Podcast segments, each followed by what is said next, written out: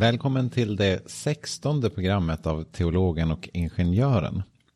Hej Johan. Hallå där Rickard. Och eh, du är ju teolog även idag. Jag är teolog och du är ingenjör. Även idag, precis. Ja, det... Och nu, nu är det så att du har ju sett fram emot att vi ska ta ett speciellt ämne. Ja, det här är ett ämne som jag tycker är väldigt viktigt. Mycket därför att eh, det är viktigt för alla, men också tänker jag mig för att mina döttrar engagerar sig väldigt mycket i det här ämnet också. Och det är ju frågan om eh, vad, hur ska vi ta hand om hela vår skapelse, hela vår miljö så att vi inte eh, pajar den. Och den viktigaste frågan av allt, är det de kristnas fel att vi håller på att förstöra vår skapelse och eh, skapa denna miljökris? Så klimathotet orsakas alltså av oss kristna? Ja, det är väl intressant eh, påstående. Det här påståendet var det faktiskt en eh, historieforskare, en historiker, eh, som påstod redan 1967. Och han hette Lynn White och han hävdade att eftersom de kristna placerar skapelsen under människan och människan över skapelsen, som härskare över skapelsen, så har det skapat en attityd som har lett till att vi har haft rovdrift på hela skapelsen. Ända liksom sen, ja, urminnes tider.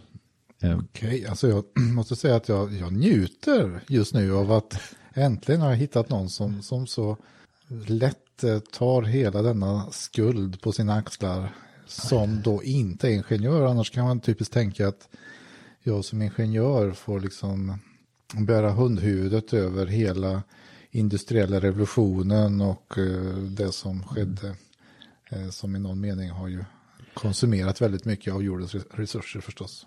Just det, man skulle kunna hävda att det är de ansvarslösa och naiva ingenjörernas fel som skapade massa mäktig teknologi utan att tänka efter. Just den tanken är inte helt ny, nej, precis. Nej, men det är ju inte helt orimligt heller. Ja, det ska bli intressant att diskutera det här, men vi kanske ska börja med vi brukar börja med ett bibelord och, då kan jag utifrån det här bibelordet också kanske förklara lite grann mer kring vad kan en sån här tanke komma ifrån att eh, det skulle kunna ha varit de kristnas fel. Precis.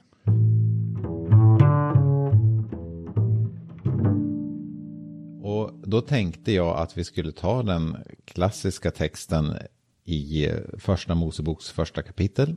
Och det här är då skapelsens sjätte dag. När Gud gör han har ju gjort då i dag ett har han gjort ljus och mörker.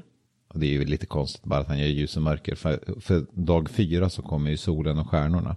Och det där har ju många tyckt var väldigt konstigt när man har läst berättelsen som en, som en naturvetenskaplig berättelse. Men det här är ju mer som en eh, poetisk berättelse där strukturen på dag ett motsvarar innehållet på dag fyra. Så ljus och mörker är strukturen i dag ett som motsvarar innehållet på dag fyra, sol och stjärnor. Sen kommer dag två som är eh, hav och luft. Eh, och det motsvarar ju dag fem eh, som är fiskar och fåglar. Och sen kommer dag tre som är landmassa som motsvarar dag sex. Och det är då de landlevande djuren och människorna. Och det här är då hämtat från dag, dag sex i skapelseberättelsen när Gud skapar människan. Du ser lite förbryllad ut. Men jag har liksom inte förstått denna parvisa relation mellan olika veckodagar där den första veckan. Det är ju oerhört spännande. Ja, men det är lite vackert om man, om man vågar se på texten på det sättet, på det här lite mera poetiskt strukturerade sättet istället för att försöka pressa in någon slags utveckling, naturvetenskaplig utveckling du, i den här du berättelsen. Kallar, du kallar det ena för struktur och den andra för innehåll. Var det så? Ja, eh, dag 1, 2, 3 är strukturer. Dag 4, 5, 6 är saker som man sätter i de här olika strukturerna. Det finns väldigt mycket i tillvaron som man kan säga är antingen struktur eller innehåll. Ja. ja. Mm. Eh, jag tycker det är väldigt vackert formulerat av, av de som formulerade den här första mm. skapelseberättelsen. Mm. Mm. Poängen med det här är ju att det finns någon slags ordning i hela skapelsen. Gud har tänkt igenom det här. Eh, och varje dag så sägs det ju som att och Gud såg att det var gott. Just det. Mm. I alla fall, på sjätte dagen så säger Gud i kapitel 1, vers 26 och framåt att Gud sa. Vi ska göra människor som är våran avbild, lika oss. Och detta oss har ju traditionellt och i kristen tradition eh, tolkats då som att eh, det är treenigheten som talar med sig själv. Fast som historiker får man ju ändå säga att eh, de som skrev texten hade ju ingen aning om att kyrkan skulle komma fram till treenighetsläran. Så att mm. troligen så handlar det här om hur Gud talar till sitt himmelska hov av änglar. Så att när människan skapas till Guds avbild så skapas, han till, skapas människan till Guds och alla himmelska väsens av, avbild. Just det. Helt enkelt. Till man, man, man pratar om kören. Man pratar om kören? nu förstår jag inte. Nej, men fortsätt. Ja, ja, då står det så här, vi fortsätter. Och här kommer här några av de här nyckelorden. De, det vill säga människorna, ska härska över havets fiskar och himlens fåglar, boskapen, alla vilda djur och alla kräldjur som finns på jorden. Gud skapade människan till sin avbild. Till Guds avbild skapade han henne. Som man och kvinna skapade han dem. Gud välsignade dem och sa till dem var fruktsamma och föröka er, uppfyll jorden och lägg den under er. Härska över havets fiskar och himlens fåglar och över alla djur som myllrar på jorden.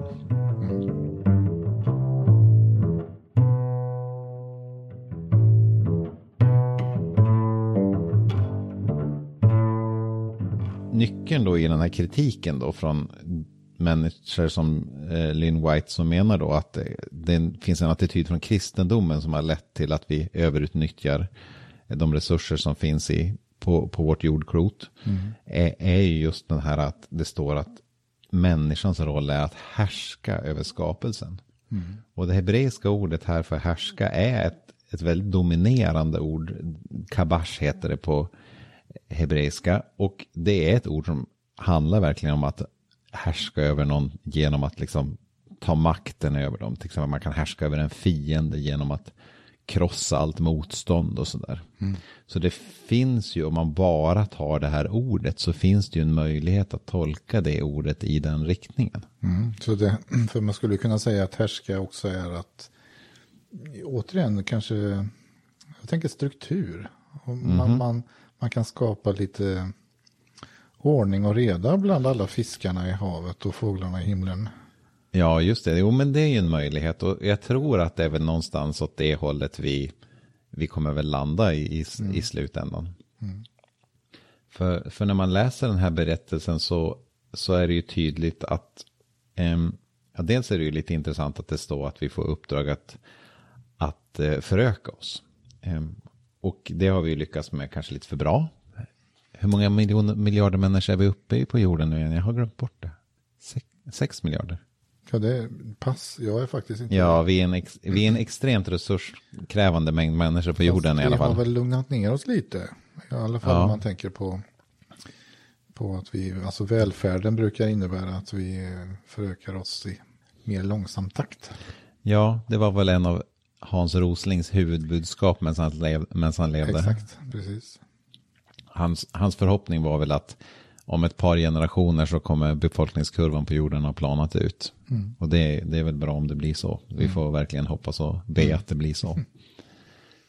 Men i den här berättelsen så är det ju ganska tydligt att människan är inte bara över skapelsen utan också under Gud.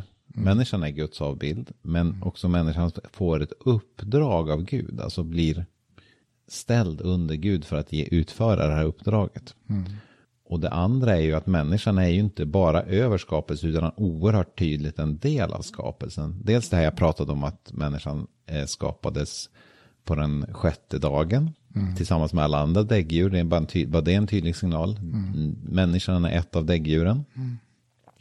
Och det andra är att människan då eh, skapas till man och kvinna precis som andra däggdjur. Alltså vi skapas till varelser som är beroende av samma biologiska förutsättningar som alla andra mm. djur. Sexuell reproduktion mm. eh, helt enkelt. Och eh, vi behöver äta och eh, energi och har kroppar och alla de här sakerna precis mm. som alla andra varelser. Så att ehm, det är lite ehm, ett spänningsförhållande här mellan att å ena sidan vara någonting som står lite över resten av skapelsen men å andra sidan är vi någonting som är helt och hållet en del av, av skapelsen. Mm.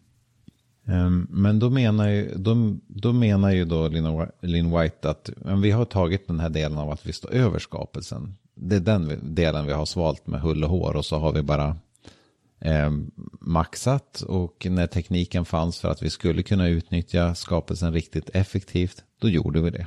Mm.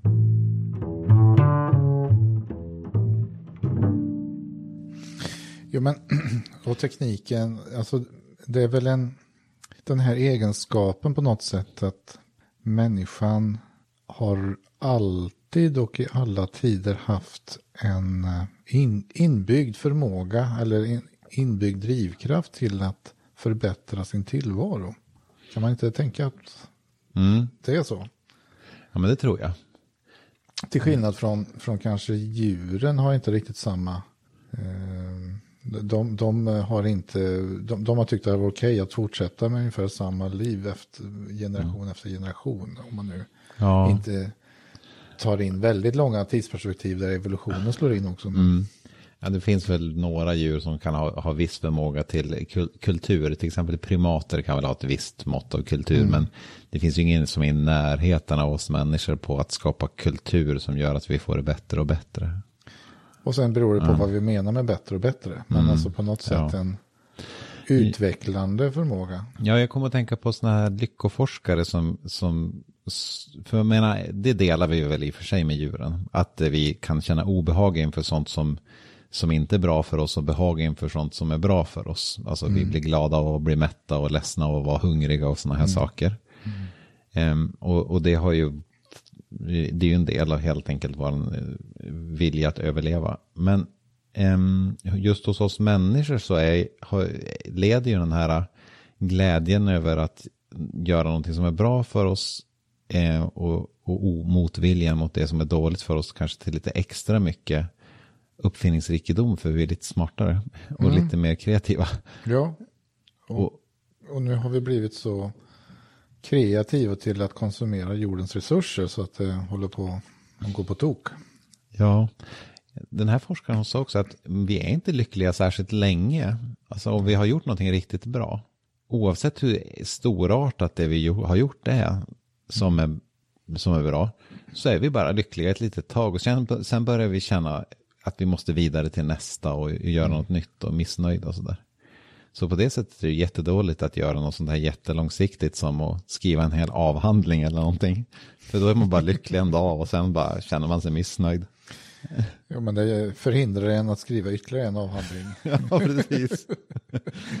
Så, vi, det, så vi kan vara nöjda med, med det du, både du och jag har gjort vad gäller avhandlingar. ja, precis. Men jag har, kanske kommer skriva böcker i framtiden. Eh, och- ja. Just det, det är bra. Mm. Nej, men det, du är väl inne på en, en eh, Mm. aspekt som säkerligen har gjort att just vi människor som art har lyckats sprida oss över hela jorden. Alltifrån Mm. från eh, ursprunget i Afrika till alla världens alla hörn. Mm. För vi har alltid sökt efter någonting lite bättre och vi har löst problem Mm. på olika sätt. Och eh, Ja, och, så, och man kan väl säga att eh, senaste århundradena har ju det skett systemsaker med den mänskliga kulturen som gör att eh, vår kunskapsutveckling har accelererat något enormt. Alltså just det här att vi lite, blev lite mer systematiska på att kunna dela information och kunskap med varandra med hjälp av boktryckarkonst och, och nu internet och allt möjligt sådär gör ju att eh, forskningen är ju snabbare än någonsin. För vi har skapat en kultur som, som ökar kunskapsmängden has, med högre hastighet än någonsin förut. Och är det dåligt? Jag tycker det är jättebra.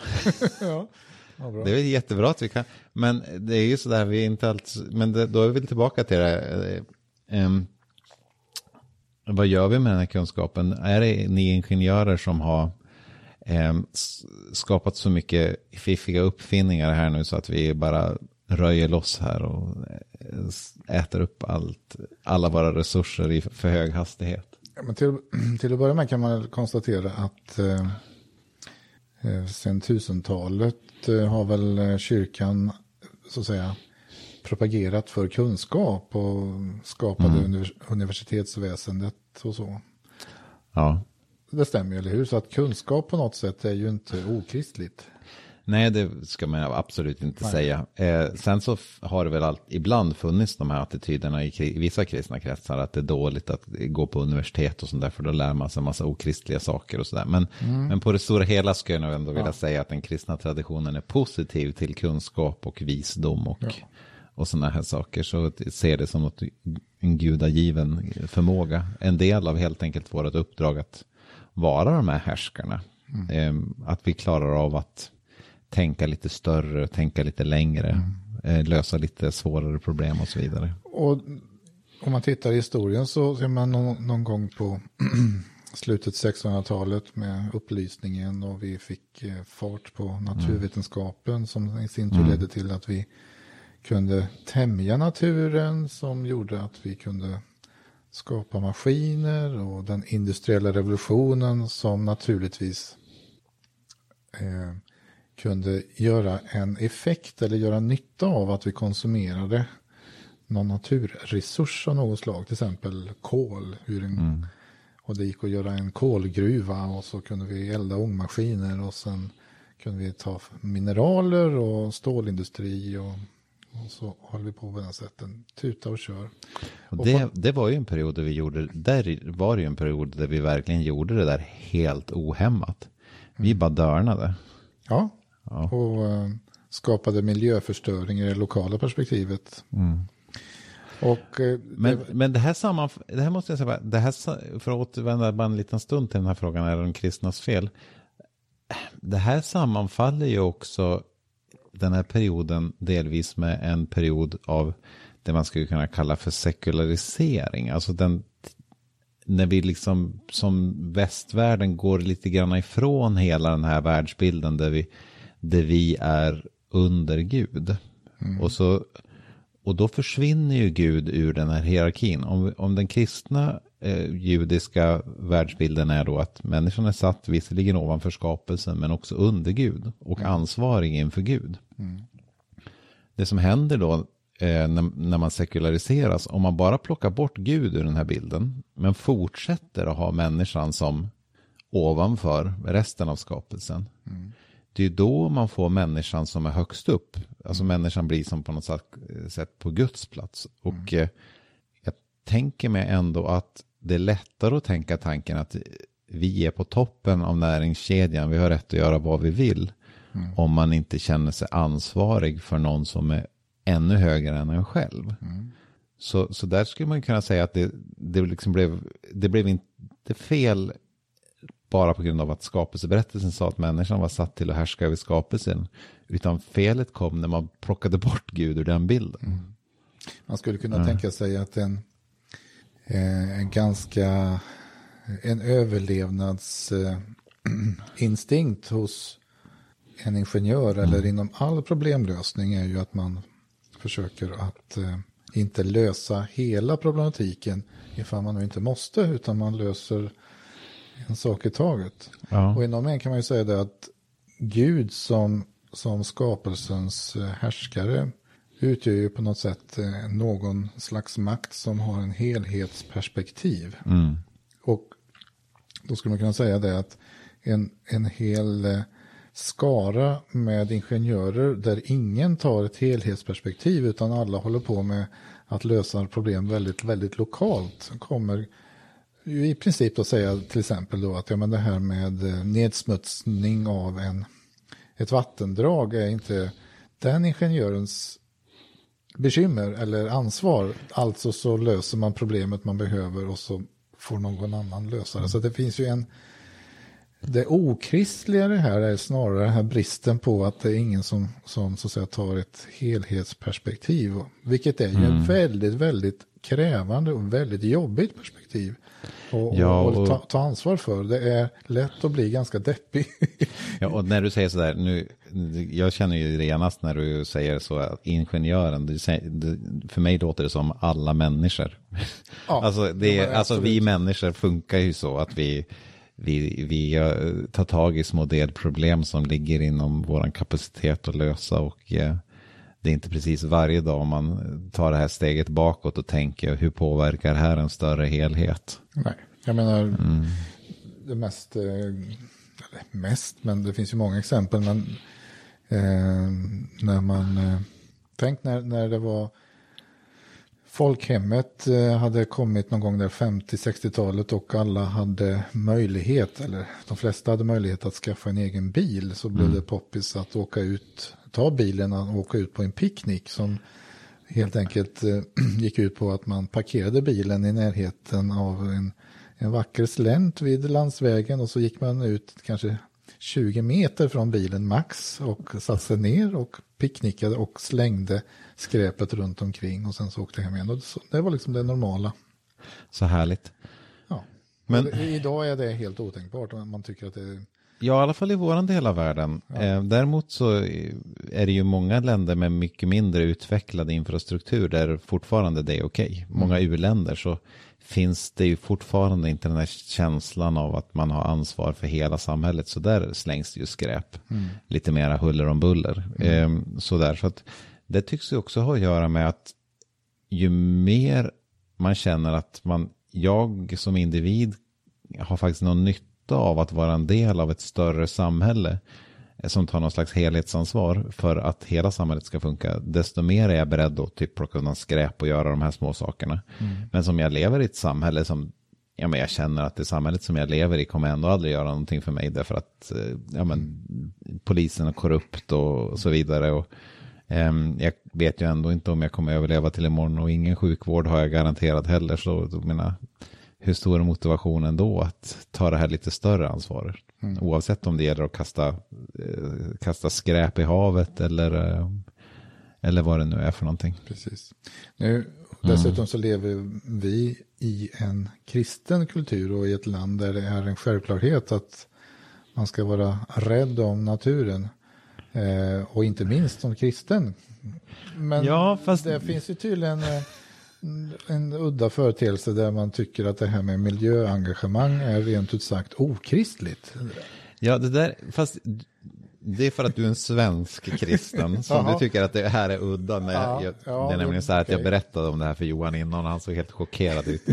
Eh, jag tror att många andra som hör det här kommer inte alls vara lika chockerade. Men, men, men det är ju, eh, jag tror att vi svenska kristna, vi är så starkt, vi har gjort det här med miljötänket så till en så integrerad del av vår kristna identitet att vi har lite svårt att leva oss in i att det finns ju kristna som tänker exakt på det sättet som eh, Lynn White var arg på. Till exempel eh, konservativa amerikaner i mm. krist, som identifierar sig som till exempel evangelikala kristna. Där är det ju en ganska vanlig åsikt att ett, Gud har satt oss till härskare över skapelsen, alltså har vi rätt att utnyttja den. Mm.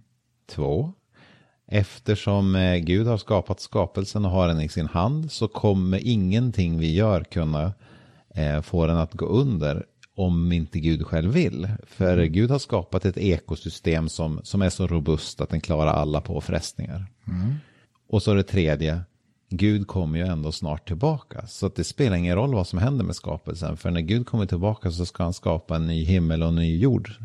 Så då kan man inte behöva bekymra sig så mycket över den jord vi har just nu. Det är ju otroligt eh, smart tänkt. Att, att, de har, att de har kunnat överleva. Är de, är de så korkade i övrigt tror du? Eller vad? ja, det har ju varit en ganska framgångsrik strategi vad det gäller företagsanda kan man väl säga. Mm. Det här ger en liten eh, eh, så att säga, känsla åt begreppet Guds barn. För man tänker sig att, att de, de här tänker som barn som, mm. som där föräldrarna har, har Eh, det är föräldrafritt och de går bananas mm. i, i hemmet med den hänvisningen att ja, men det gör ingenting vad vi gör för när föräldrarna kommer tillbaka så kommer de att tapetsera om i alla fall. Ja, just det, och, och det är mammas och pappas ansvar att, ta, att se till att det funkar i ja, längden. Ja. Det, det, är liksom exempel på det helt ansvarslösa förhållningssättet. Jo, det Som ett sant. barn typiskt kanske, är, det är okej okay när man är barn men inte när man är vuxen. så. Och det är ju precis tvärtom mot det här. Om människan är satt då till att vara härskare över skapelsen i betydelsen att vara den som har fått i uppdrag att, att liksom vara Guds förlängda arm in i skapelsen. Mm. Då är man ju inte en som ska liksom utnyttja skapelsens resurser och kom, hoppas att mamma och pappa kommer och städar upp sen, utan en som ska se sig som sin mammas och pappas medhjälpare för att upprätthålla ordningen mm. eh, helt enkelt och se till att allting fortsätter vara bra. Mm. Och, och, då, eh, ja, och då blir ju då resultatet då att om, om det finns ju massor med bibeltexter som talar om hur mycket Gud liksom bryr sig om hela skapelsen och alla djur och allting och sådär. Mm. Eh, och hela ekosystemet. Då blir den enda logiska slutsatsen att eh, den som har fått i kallelsen att vara Guds avbild och härskare över skapelsen ska ta just det ansvaret över hela skapelsen. Mm. Eh, men det är inte så de tänker. Nej.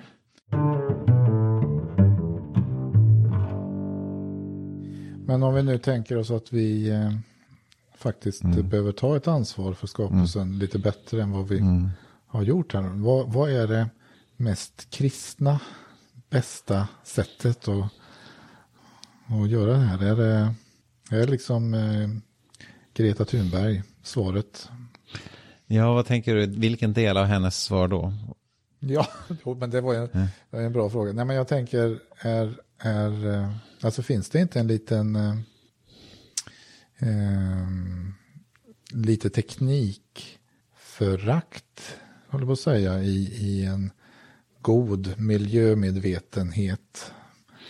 Ja, du tänker så. Jag vet inte om jag har hört Greta Thunberg uttrycka något teknikförakt, men jag, jag, tror att jag har hört eh, många, många andra miljökämpar uttrycka ett visst teknikförakt. Mm. Eh, men jag förstår vad du menar. Du tänker på helt det här att vi ska gå tillbaka till någon slags enkel livsstil där vi, där vi har en eh, mm. oxe som drar en plog och, mm. och äter kornmjölsgröt och... Och bor i Småland och heter Karl-Oskar och Kristina. Ungefär så ja. Ursäkta om det bara nidbild här, men vi behöver den här nidbilden för, som, tanke, som tankemönster. Men ja, men just det här att man tänker sig att, att, att leva så enkelt som möjligt skulle lösa alla världens miljöproblem. Precis. Ja. Ehm, det låter ju på ett sätt som en enkel lösning. Mm. Fast då kommer jag ju tänka på vilka, vilket lidande det skulle skapa för alla människor som till exempel inte får den vård de behöver. Mm. Eller inte kan kommunicera med varandra över alla de här tekniska lösningarna vi har. Det finns så tusen saker som ändå eh, vi har åstadkommit med hjälp av teknologi som, som har, på riktigt har ökat eh, människans livskvalitet och minskat mängden meningslöst lidande på jorden något enormt. Mm. Jo men absolut, jag menar Fattigdomen minskar, sjukdomar minskar eh, tack mm. vare eh, våra forskningsframsteg. Så är det ju. Ja, men du hade ju någon rolig idé om vi skulle liksom tänka den här tanken att vi skulle försöka eh, lösa miljökrisen på, på 1800-talet. Kan du inte utveckla den? Just idag så kan man säga så, så handlar ju det som miljörörelsen så att säga vill Eh, pekar på, det är just att vi så att säga överkonsumerar. Mm. Ja, och eh, om det då betyder att man inte ska så att säga hitta lösningar på våra behov som människor på ett, eh, på ett ja, kreativt eller systematiskt eller tekniskt sätt. Menar, då kan man tänka sig att vi är ja, lite framstegsfientligt då, med, om vi tar den. Mm. Eh, om vi tar en sån attityd och spolar tillbaka bandet och sätter den människan med den attityden mm. i, i sekelskiftet 18-1900 i, i Stockholm med all den fattigdom och eh, stor befolkning och trångbott, eh, hygieniskt fruktansvärt. Eh, sanitet, mm. funktioner mm. fanns inte och det var sjukdomar och hungersnöd och sådär. Mm. Så det är klart att, att då tror jag att det tänket skulle ha en ganska så bristande framgång där, utan det var ju väldigt naturligt att komma fram med, med lösningar som faktiskt bidrog till ett bättre samhälle, som till exempel ett avloppssystem eller elektricitet eller andra saker som rinnande vatten. Eh, väldigt bra teknisk eh, lösning som gjorde att livet blev bättre. Ja, förbättringar så, i jordbruket och antibiotika och alla de här sakerna. Ja. ja. Och att... Din poäng är att på, lösningen då för hundra år sedan, mycket av mänsklighetens lidande, det var in, inte att backa i tiden utan att, att hitta nya tekniska lösningar. Precis, och då är då frågan, är vi i ett skede precis nu som är då unikt på det sättet att plötsligt så ska det sättet att vilja gå framåt, om vi nu säger det då, mm. Eh, är inte det applicerbart längre som en lösning? Mm. Ja, men det är ju en väldigt intressant fråga. Eh, för du hade ju en så här jättebra formulering där att ehm, eh, att det här att bara att vilja använda sig av mindre resurser utan att vilja vara, eh, hitta några tekniska lösningar. Ehm, eh, är, blir ingen, det blir ingen konstruktiv lösning. Men det är ju två steg här. Det ena är viljan att använda mindre resurser. För menar, det kan man väl ändå säga att ett mål för att lösa dagens konflikt, alltså miljökris, det är ju att vi måste använda oss mindre av fossila bränslen. Det är ändå så mm. en typ av resurs som vi absolut måste lära oss att använda oss mindre av. Mm. Um, men det är väldigt kanske svårt då tänk, att bara tänka sig lösningen att man ska eh, minska hastigheten på på ja, hur vårt samhälle fungerar, utbytet av varor och tjänster. Mm. Eh, för det kommer ju skapa massor med andra bieffekter i form av eh, lidande. Vi kommer få liksom helt enkelt mindre resurser till sådana saker som är viktigt för människor. Som, som sjukvård, mm. skola mm. och sådana saker. Och, Men det vi har gjort hittills det var ju målat någon slags nidbild över någon slags väldigt endimensionell eh, miljökämpe här. Mm. Som inte finns så många av på riktigt. Eh, men eh, och det är ju klart att det är så. De, de flesta som skulle nog hellre kanske till exempel tala om att styra om ekonomin i riktning mot eh, en ekonomi som fortfarande rullar på fast den konsumerar mindre av de här sakerna som är, mm. som är dåligt för mänskligheten. Mm. Alltså, så, så Miljöpartiet brukar till exempel prata om grön miljöväx miljö, vad heter det, miljöväxling. Miljöväxling, ja. Ja, precis. precis. Mm. Det, det är väl ett ganska intressant koncept, koncept tycker jag. Alltså att där man vill ha utbyte av varor och tjänster och teknologisk ut, utveckling och sådär. Fast man vill använda hela den kraften och styra den bort mot just de här destruktiva sakerna som att mm. öka mängden koldioxid i, i luften och sådana mm. saker.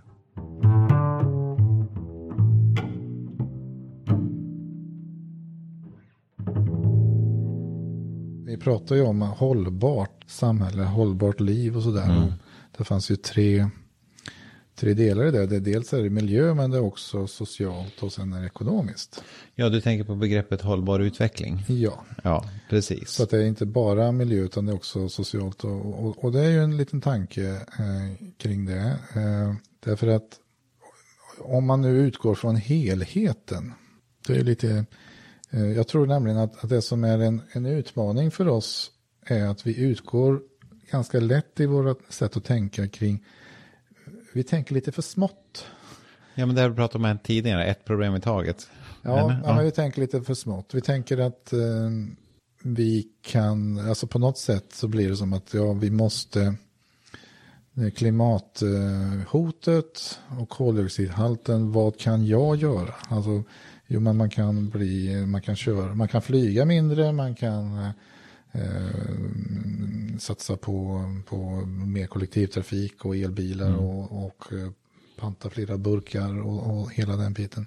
Men egentligen tänker jag att ett kristet perspektiv utifrån att, att vi ska härska över skapelsen och att det ska finnas någon som vågar ta eh, hålla sig lite högre upp i den här hierarkin där Gud kanske finns på toppen. Ja, då är det kanske någon som skulle kunna ta någon slags helhetstänk. Och då är det faktiskt som så om man tittar lite på siffror i det här. Om man nu ja. tänker globalt. I, siffror? I, Elon Musk, tänk, allt han hittar på uh, är ju alltid i ett globalt perspektiv. Ja. Mm. Uh, och det är oftast där det sker en väldigt uh, det sättet att tänka gör att man kan få lite perspektiv på saker och ting. Då visar det sig nämligen i det här fallet då att om man summerar hela jordens konsumtion av fossila bränslen och icke förnybara, inklusive alltså kärnkraft och så. All den energikonsumtion som, som man summerar i det och så tänker man vad skulle det motsvara i solenergi? Då visar det sig nämligen att det skulle motsvara samma energimängd som, som landar på en procent av Saharas öknen. Det är ju väldigt intressant. Så i teorin då, om man fångar, eh, om man sätter väldigt fina solpaneler på 1 procent av eh, Saharas öknen och lyckas på ett lämpligt sätt distribuera den energin över hela jorden så behöver vi inte, behöver inte något annat energislag. Då skulle vi alltså kunna åka våra bilar, vi skulle kunna flyga våra flygplan eh, etc. Och göra det på ett eh, koldioxidneutralt sätt. Så det skulle vara ett exempel då på det här med att ta, ta ett ansvar för, för skapelsen men inte liksom ta den här asketiska lösningen utan den här lösningen som är mera eh, ingenjörslösningen att eh, hitta nya vägar framåt. Ja. ja, alltså om man nu tar en asketisk mm. lösning och tänker sig att alla människor på hela jorden blir plötsligt kristna och blir dessutom asketer kring det här med miljö. Mm. Vad blir det för värld? Det är ju en väldigt spännande tanke. Eh, skulle det egentligen rädda eh, problemet? Jag är lite tveksam till det. Ja, en... Det skulle skapa ganska spännande andra effekter i alla fall. Ja, man skulle kunna spekulera över olika möjligheter vad det skulle kunna leda ja. till. Men en, sak, en möjlig sak som skulle kunna leda till att det är ju om vi skulle minska mängden kommunikation oss människor emellan. Mm. Då skulle ju vi förstå varandra sämre. Alltså ja. om vi skulle träffa varandra mindre av mm. någon slags miljöbesparingsskäl. Mm. Och um. sen säger vi att det är en grupp på ett ställe mm. på jorden som plötsligt lämnar det asketiska livet. För det kommer ju direkt hända. Mm. Därför att man mm. tycker att ja, men nu är vi ledsnat på detta, vi vill skapa oss en liten fördel. Mm. Människan kommer alltid att välja någonting som ger en en fördel. Det är någon naturlag vi har. Så kommer alla andra tycka att det där var jättedumt och så blir det krig. ja, vi hopp, ja, just det, nu hittar du bara på en så här helt ja. vansinnigt eh, scenario. Men jag tänker, men ändå, det, jag kan ändå inte komma ifrån att det här med lite självbehärskning är en, kan, man kan inte komma ifrån att det inte måste vara åtminstone en del av lösningen. Jag köper helt och hållet av att vägen vidare är ju, jag menar man kan ju ändå säga att det är en gudagiven gåva, vår förmåga att lösa problem och sådär. Och det är en absolut nödvändig del av lösningen. Men man skulle, jag skulle ändå kunna säga så här att det verkar ju ändå som att även att vi hittills har hittat på ganska mycket så här saker som som ska minska energikonsumtionen per pryl vi använder. Vi har kommit på mycket mm. bättre glödlampor och mm. mycket effektivare tevar och mycket effektivare bilar och allting mm. och så här. Det är jättestora framsteg som vi har gjort teknologiskt sett. Mm. Så är ju hittills ändå nettoeffekten att vi ändå använder mer energi än, än tidigare. För att vi använder fler, fler saker. Så det finns ju mm det tycks ju vara som samtidigt som att vi kommer faktiskt på en massa smarta saker som, som minskar energikonsumtionen per sak vi gör så gör vi bara mer och mer saker för vi vill ha mer och mer. Mm. Eh, och, och ett sådant här riktigt bisarrt exempel tycker jag då, det är ju den här enorma energiåtgången som krävs för att skapa bitcoins. Mm. Jag vet inte hur många terabyte nej vad säger jag, terawattimmar mm. som behövs till bitcoins nu för tiden. Eh, för att skapa en valuta som inte ens finns, höll jag på att säga. Det finns ju kolkraftverk i Kina mm. som enbart producerar mm. energi för datorer att, eh, ja. att hitta nya bitcoins. Och där, där tycker jag väl ändå att om man inte börjar tänka lite grann i någon slags självbehärskning kring vad, vad, vad är det värt egentligen att använda energi till. Mm.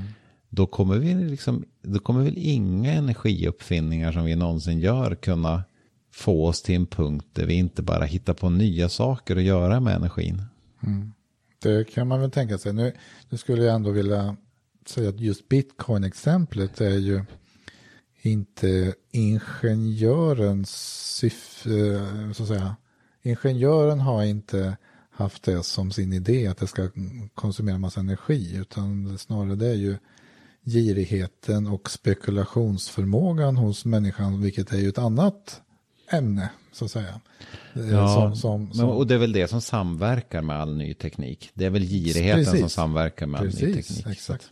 Så då kommer vi ändå tillbaka till det där att eh, det, även om askes inte kan vara hela lösningen så, så någon typ av moralisk kompass ja, kring, just det. Eh, kring vad som är rimliga sätt att använda våra resurser behövs ju.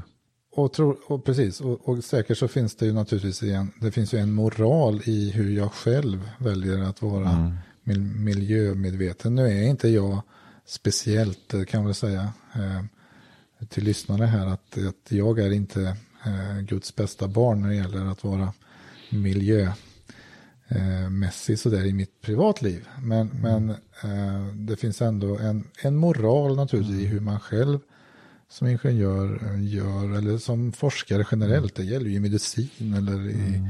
allt man forskar så finns det ju en moralisk aspekt. Mm. Och det är ju ändå som så att, att eh, om vi nu tänker oss det här scenariot med att eh, all energi finns att hämta från solen i Saharaöknen och alla tekniska eh, lösningar fanns på plats för att transportera energin. Till exempel bara så att man kan, det finns alltså möjlighet att, att man eh, kan eh, från elektricitet producera syntetiskt bränsle eller syntetisk diesel som i någon mening binder koldioxid till långa molekyler och gör att man får energin paketerad i vätska. Koldioxid i luften alltså? Ja, alltså då kan man tänka sig att man producerar syntetisk diesel i ett ställe på jorden poängen med vätska är just det att det är så smidigt att transportera och man behöver inte fylla bilar med en massa eh, miljövidriga batterier. Nu är ju batterier eh, lösning på mycket och vi hoppas mycket på det men det konsumerar ganska mycket konstiga metaller och, och eh, är ju... Ja, och ska man tänka på hållbar utveckling så är ju batteritillverkningen allt annat än människovänlig idag. Det är ju många människor i u-länder som råkar riktigt illa ut på grund av batteritillverkningen. Precis, och så finns det lite mm. andra storskaliga problem, till exempel här i Sverige Sverige så råkar vårt elnät just nu eh, vara dimensionerat ungefär precis så mycket som vi just nu verkar behöva i samhället för att och sådär. Och, och då kan du tänka tanken att om eh, alla vi bilister, för på något sätt så tror jag att fordon kommer att behövas mm. i framtiden. Om vi dessutom då ska på nätterna ladda våra bilar Mm. så kommer helt enkelt elnätet inte att eh, kunna leverera det. Det kommer att krävas väldigt stora mm. eh, eh, ja, infrastruktursatsningar av olika slag. Så det finns en hel del utmaningar på alla scenarier. På något sätt så är väl den ingenjörsmässiga inställning till att ja, det kommer någon att lösa i framtiden. Vi mm. tror att utvecklingen kommer att och fortsätta. Jag tror definitivt att batterier kommer att uppfinnas i framtiden som gör att eh, plötsligt så kanske det blir mycket, mycket smidigare med batteritillverkning. Det kanske går att eh, skapa batterier av vanlig sand på... på eller ja, nej, men alltså, fast det här blir ju som den här alternativa lösningen som, som jag inte hade hört talas om förut med syntetisk diesel och så där. Ja. Det blir väl som någon slags alternativ till batterier då i sådana fall. Alltså ja, och kan... det är lite finurligt ifall ja. man kunde tänka sig då att eh, alla, alla sätt att distribuera bränsle, det finns ju redan på plats mm. i form av tankbåtar och, och tankar. Och Men den här tekniken är alltså helt ny eller? Alltså, ja, och, och den är ju på forskningsstadiet och det finns massvis med, med utmaningar och sådär. Mm. Men det är ju ändå ett sätt att tänka kring mm. ett globalt helhetsperspektiv som som är ju helt fantastiskt för en ingenjör att få vara med om. Mm. Att, att, jag menar om jag vore eh, om jag vore så att säga tonåring skulle välja ingenjörsbana i livet mm. så skulle jag ju definitivt ta någonting kring kemi eller, eller någonting sånt där. För det är ju där framtiden, alltså då skulle man ju ha en chans att få med och, och förändra världen på riktigt. Jag tror att det är nästan, det kommer ge mer tillfredsställelse än att om jag bara skulle, det jag valde var lite mer matematik och programmering mm. ungefär. Va? För det här med datorer var fränt när jag, men du förstår det här att få, få uh, engagera sig i framtidens energi, det är ju en riktig poäng. Och ja. välsignelse skulle jag vilja säga. Tänk dig, det, det skulle finnas något mer kristet än att få lösa det här med energibehovet. Ja, men det där är ju ganska intressant att utveckla en slags kristen teologi runt kallelsen att vara ingenjör. Alltså att kallelsen att vara ingenjör, det är alltså kallelsen att vara Guds moraliskt hållbara eh, medhärskare över mm. skapelsen och göra någonting gott av det. Och att tänka mm. tillräckligt stort, för mm. det är det lösningen kan För traditionellt sett så har ju liksom ingenjörsyrket sett som ett, som ett mindre andligt yrke. Um, ett, jo, ett där, för alltså, de som inte orkar engagera sig så mycket i kyrkan. Mm. Då kan man bli ingenjör. Fast det var väl ändå mycket frikyrkomänniskor som tyckte att men det här med ett avlopps, avloppssystem i, i, i, förr i tiden var en bra idé. Ja, så, ja. I, så det, i praktiken har ju faktiskt, även om det finns en hel del den här attityden, vi kanske ska nämna den här attityden som har funnits ibland i vissa kyrkor, det här med att om man inte pratar om evangelisation så, utan pratar om miljöengagemang till exempel, då, är man mindre kristen för att liksom det är kyrkans uppdrag är bara evangelisation. Mm. Eh, den attityden har ju funnits i ganska många kyrkor. Alltså att sprida budskapet om, om, om Jesus Kristus. Och det är, det är ju bra.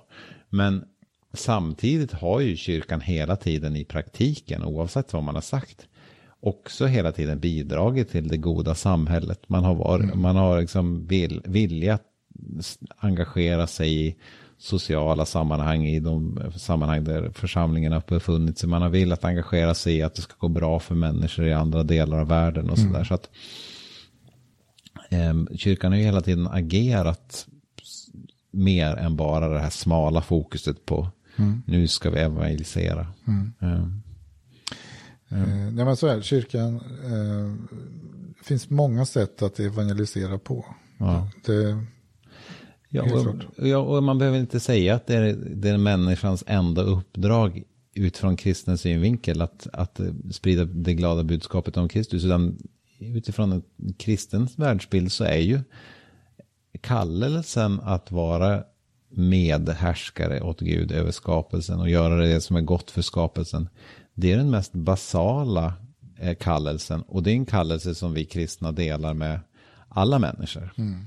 Eh, och det skulle jag vilja säga att det är ganska viktigt, tänker jag mig, att man inte säger så här typ att oh, det är bara vi kristna som kan motivera miljöengagemang för vi har liksom den, de här fina tankarna från Bibeln. Mm. Utan det här är ju någonting som är viktigt att alla människor på hela jorden, oavsett om man är ateist eller kristen eller muslim, gör tillsammans. Och mm. jag tänker mig att vi kristna motiverar det utifrån vår kristna tradition. Muslimer får motiveras utifrån muslimsk tradition och ateister mm. får motivera det utifrån någon form av sekulär filosofi och så mm. vidare. Men vi, måste, vi kan inte säga att, att man inte kan samarbeta med folk för att de tänker annorlunda på vissa frågor. Utan det här är verkligen superglobalt och en grundläggande kallelse för alla människor. Mm. Ja. Alltså det, det finns en, mm. en, eh, om vi tänker oss den moraliska mm. aspekten, jag menar, låt oss säga nu att det finns i teorin någon slags sätt att lösa problemet med koldioxid eh, och ändå ha gott om energi för oss att leva det liv vi vill på mm. jorden. Så, så är det ju, hur kommer man då dit? Mm. Och här är det ju en, en, eh, här kommer nog Greta Thunberg in. Alltså att någon håller liksom ficklampan i ansiktet på makthavare och säger att nu får ni skärpa er och så att säga eh, skapa, man skapar medvetenhet, man skapar en ett engagemang, en rörelse som så att säga lyfter fram en ung generation att nu vill vi någonting annat. Mm. För att den här idén om att vi ska kunna få till den här förändringen, att tvärt sluta med fossila bränslen och använda storskaliga lösningar på det hela, det kommer ju inte att hända med dagens sätt att, eh, alltså dagens effektivitet i klimatförhandlingar på FN-nivå eller politikers effektivitet i att lösa detta är ju inte jätteimponerande. Nej, det är ett jättesvårt systemproblem att det finns ingen, ingen storhet i världen som kan koordinera våra insatser. Nej. Vi har ju viss koordination inom vissa delar. Vi har liksom ganska stora sfärer, typ EU, Kina, USA, som är, mm. eh, som, som är hyfsat bra på att koordinera sina insatser och mm. sådär. Men det finns verkligen ingen global förmåga till det här. Nej. Kina är ju, har ju lite diktatoriska mm. förmågor och sådär. Men, men, ja, det är otäckt, men ja, det verkar ju fungera i viss utsträckning. Och när det gäller, om man nu tänker sig global förändring av vårt levnadssätt Ja. Så är det ju nästan i, i de saker vi har pratat om i tidigare mm. avsnitt, det vill säga eh, smartphones, eh, mm. sociala medier, där vi har några stora big tech-företag som verkligen har förändrat vårt sätt att leva på mycket kort tid och på ett radikalt sätt. Det skulle man ju egentligen kunna tänka sig då att en, en, eh, en aktör som är eh, tillräckligt stortänkande och tillräckligt mycket kapital kan orsaka någonting som politikerna egentligen inte klarar av. Det vill säga man kan... Så det är vår uppmaning till Amazon och Google och Facebook och alla andra att eh, nu får ni nu får ni ta er del av ansvaret. Ja, ja, då skulle det innebära att någon kommersiell aktör kommer med någonting lockande. I det här fallet skulle det vara förmodligen att ett annat sätt att transportera sig som är eh, garanterat fossilfritt och som, som eh, är lätt att tanka och som eh, gör att man kan åka längre än, än 30 mm. mil eller vad det nu är. Alltså det finns så mycket hinder just nu som gör att det blir lite krångligt och det kommer inte att lira i längden. Eh, så att är, är, står hoppet till någon Elon Musk-figur eller står hoppet till till att vi får eh, Greta Thunbergs, och det kanske är en kombination. Men... men det där är intressant, för den enda, den enda sant globala kraften vi har idag är ju den globala marknaden. Så, i, ja. och det här tycker jag är lite läskigt. Jag blir lite cynisk ibland när jag tänker så här att det enda chansen vi har att, att verkligen kunna få till de här teknikerna som gör att, att vi förändrar eh, koldioxidutsläppen. Det är att det helt enkelt blir mer marknadseffektivt. Alltså att det blir billigast att tillverka solenergi till exempel. Ehm, att det blir billigare än att gräva upp olja och det blir billigare än att gräva upp kol och så mm. vidare. Mm. För att det tycks, en sån marknadskraft då som skulle uppstå då, Mm. Det skulle ju möta på visst motstånd. Det skulle säkert vara, men vi vet ju att eh, till exempel Trump, han har desperat försökt eh, återinföra kolindustrin i USA till exempel, mm. fastän att den inte ens är ekonomiskt lönsam. Men, mm. men, men, det skulle mot, men i, i, i förlängningen skulle ändå en sån teknologisk utveckling leda till att det skulle konkurrera ut alla andra energiformer. Mm. Och det, det, kan man väl hoppas att det händer. Mm. Men hur, det är ju det är liksom ingen politisk vilja som skapar det i sådana fall, utan då är det bara eh, denna marknadskraft som, som slår igenom givet en viss teknologisk utveckling. Nu, nu ska vi kanske inte förvandla podden till, till eh, en, en podd kring olika livsåskådningar kring ekonomi och marknadsekonomi och sådana saker. Men man kan ju tänka så här då, om vi tänker oss att ekonomi kan ju ses som en modell för ett människans beteende i ett globalt perspektiv. Mm. Vad är det man tycker är viktigt och mm. vad är det man inte tycker är viktigt. Och det mm. man tycker är viktigt tycker man har ett värde som man så att säga kan intresserad av att tillgodogöra sig. Om man mm. bara liksom tänker sig den modellen så är det väl på något sätt att ett värde kan man ju skapa genom att man också lägger till, eh, alltså det vi menar med fria marknadskrafter är ju då den oreglerade sättet men vi tänker oss naturligtvis att moralen har skapat eh, lagar och förordningar som faktiskt premierar att det som är ett gott sätt att konsumera är mer tillåtet än ett ja, Och så sätt. funkar ju marknaden idag. Den är ju reglerad i väldigt hög utsträckning. Eh, men... Ja, och att det inte är någon Donald Trump mm. som då premierar att kolgruvor, alltså det på något sätt så är ju det ett fel, konstigt exempel på det. Mm. Men, men det som är om vi ska få en förändring eh, Jag menar så här, smartphones och sociala medier hade kanske inte lyckats i en diktatur att slå igenom. Mm. Utan det var någonting som uppfyllde ett, ett mänskligt behov på något sätt som mm. lockade till. Och det, det, är samma, samma sak med det här. Vi måste alltså eh, hoppas att, att eh, någon hittar en lösning på något sätt. Ja, och det menar jag är inte emot att marknadskrafter skulle kunna få bidra till att lösa våran, eh, våran miljökris. Mm. Eh, men det tråkiga är bara att det tycks inte finnas någon annan möjlig kraft som skulle kunna göra det. Ja, typ Guds eh, ingripande möjligen då eller någonting. Men mm. det tycks ju inte finnas någon politisk storhet som, som kan åstadkomma eh, alltså, reformer som är väldigt tydligt riktade mot att eh, förändra. Eh. Nej, och det har ju den politiska dynamiken handlar mycket om att man politiker vill gärna bli återvalda. Mm.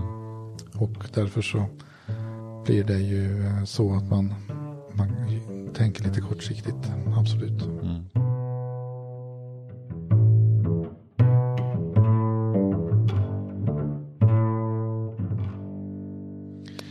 Men, men det finns i alla fall, om vi skulle runda av här lite grann, så tänker jag, det här, vi, nu har vi ju mest tänkt runt, vi vet inte riktigt vad vi ska tänka i den här frågan eftersom det är en väldigt svår fråga. Men det, var, det finns ju ändå en grundläggande tanke i den, här, i den kristna traditionen. Som man visst, visst man kan tolka det på det här sättet att eh, ovi överskapelsen har rätt att utnyttja den. Men det tycks ju vara en väldigt destruktiv tolkning av den kristna traditionen. Utan vi har väl mer förutspråkat den här tolkningen av att vårt uppdrag som, som Guds medhärskare är att att göra det som är gott för hela skapelsen. Så det är så vi vill tänka på det här. Men har vi kommit fram till några, något ja. hopp?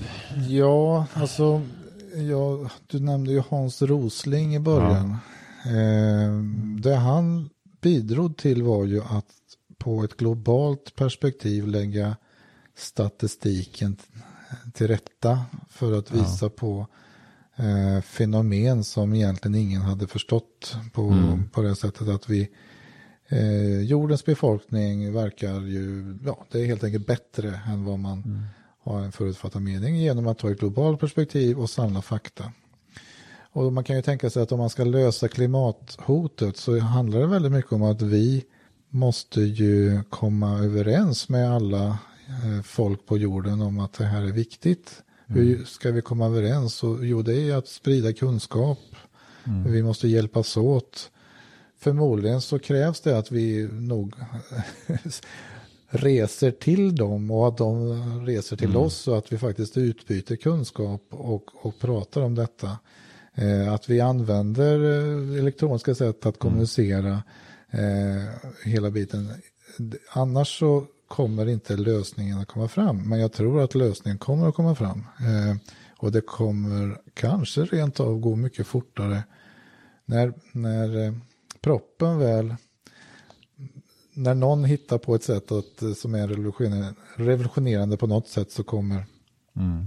det kanske gå ganska fort. För det blir så uppenbart att ja, men det är så här man ska göra. Och sen det här med Sahara och, och, syntetisk diesel, det kanske inte är lösningen. Jag, jag är inte en så... Det var bara exempel. Det var ett exempel. Eh, det, det, kan finnas eh, andra exempel också. Eh, det finns en, ett ganska tydligt problem för mänskligheten. Vi måste helt enkelt lösa den här knuten.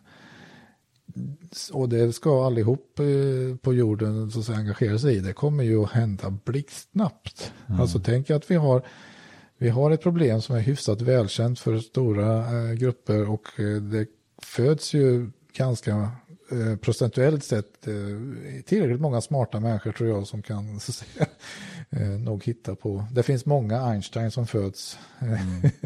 nu för tiden också så att förhoppningsvis så kan vi få till en lösning. Ja, jag hoppas det. Men jag skulle vilja avsluta då lite grann med att vända på den här tanken. om man tänker sig den här ganska destruktiva tanken att eftersom Gud, det finns ett hopp inom kristen tro att Gud kommer gripa in och ställa allting till rätta på den yttersta dagen. Så behöver vi inte bry oss. Det är en ganska destruktiv tanke. Alltså, så. Den kan man ju vända på helt och hållet också. Om vi tar Guds rikes tanken. Alltså Jesus går runt och predikar Guds rike. Och han pratar då om Guds rike som delvis som någonting som är framtida. Alltså Gud kommer att gripa in i framtiden och göra att Guds rike blir helt och hållet verklighet för hela mänskligheten. Och liksom allting kommer bli enlighet med Guds vilja. Det är så här positivt hopp för framtiden. Det sätter ju inte Jesus i motsats till att göra det som är gott här och nu. Och att göra så att Guds rike delvis blir verklighet här och nu. Utan mm. han gör ju tvärtom. Han eh, botar sjuka, han bjuder in de som är utanför samhället och sånt där. Och allting mm. det han gör eh, är ju ett sätt att göra Guds rike till mer verkligt. Mm. Alltså, eh, Herrens bön, eh, där man i första delen av Herrens bön ber liksom, låt ditt rike komma. Mm. Den andra delen den handlar ju, av Herrens bön handlar ju om eh, hur ska Guds rike bli verklighet? Mm. Jo, det är, vi ska få, vi ska inte utsättas för ondska, vi ska få det bröd vi behöver, vi ska förlåta varandras skulder och sådana saker. Så mm. att redan här och nu, de här vardagliga grejerna är ju att göra Guds rike till verklighet. Så att, att Guds rike ska bli 100% verklighet i den yttersta framtiden blir ett skäl till att börja göra Guds rike till verklighet här och nu. Mm. Eh, så hoppet om att Gud ska göra ja, en förnyad skapelse eller nyskapelse, det beror på hur man tolkar orden i de här texterna. Alltså att det, allting ska bli helt och hållet bra i skapelsen en gång i framtiden.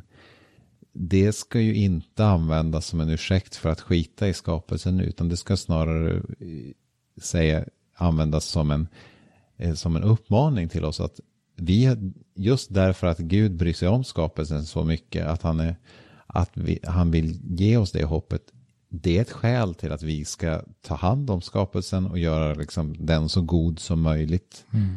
här och nu. Mm. Så, så det är så, tycker jag, ett mer konstruktivt sätt att tänka på det här framtidshoppet om en ny skapelse och om att Guds rike ska bli verklighet det ska få genomslag för i hur vi agerar här och nu. Och att vi människor är en del av skapelsen så att vi ska mm. också ta hand om oss själva. Ja. Eller hur? Ja, det får vi göra. Fast ja. det har vi inte pratat om idag. ja. Nej, men, men eh, att, mm. att, att, vi, eh, mm. tanken är ju att vi hjälper, vi hjälper skapelsen och då hjälper vi också oss själva. Tänker jag. Ja, precis. Fast jag tror att jag, jag, jag tvekade nog lite grann utifrån att jag tänker mig inte att man ska använda att hjälpa sig själva som en ursäkt för att, bry, att hjälpa skapelsen mindre. Vi, nej, nej, nej, nej. Det är sant. Mm. Mm. Har vi klurat eh, klart här? Och, ja. Eh, har vi, ska vi liksom... Har vi kommit fram till någonting? Efter detta summera hur mycket resurser vi har konsumerat bara genom att sitta här och prata. ja, just det. Det har säkert konsumerat med enorma mängder ja. resurser.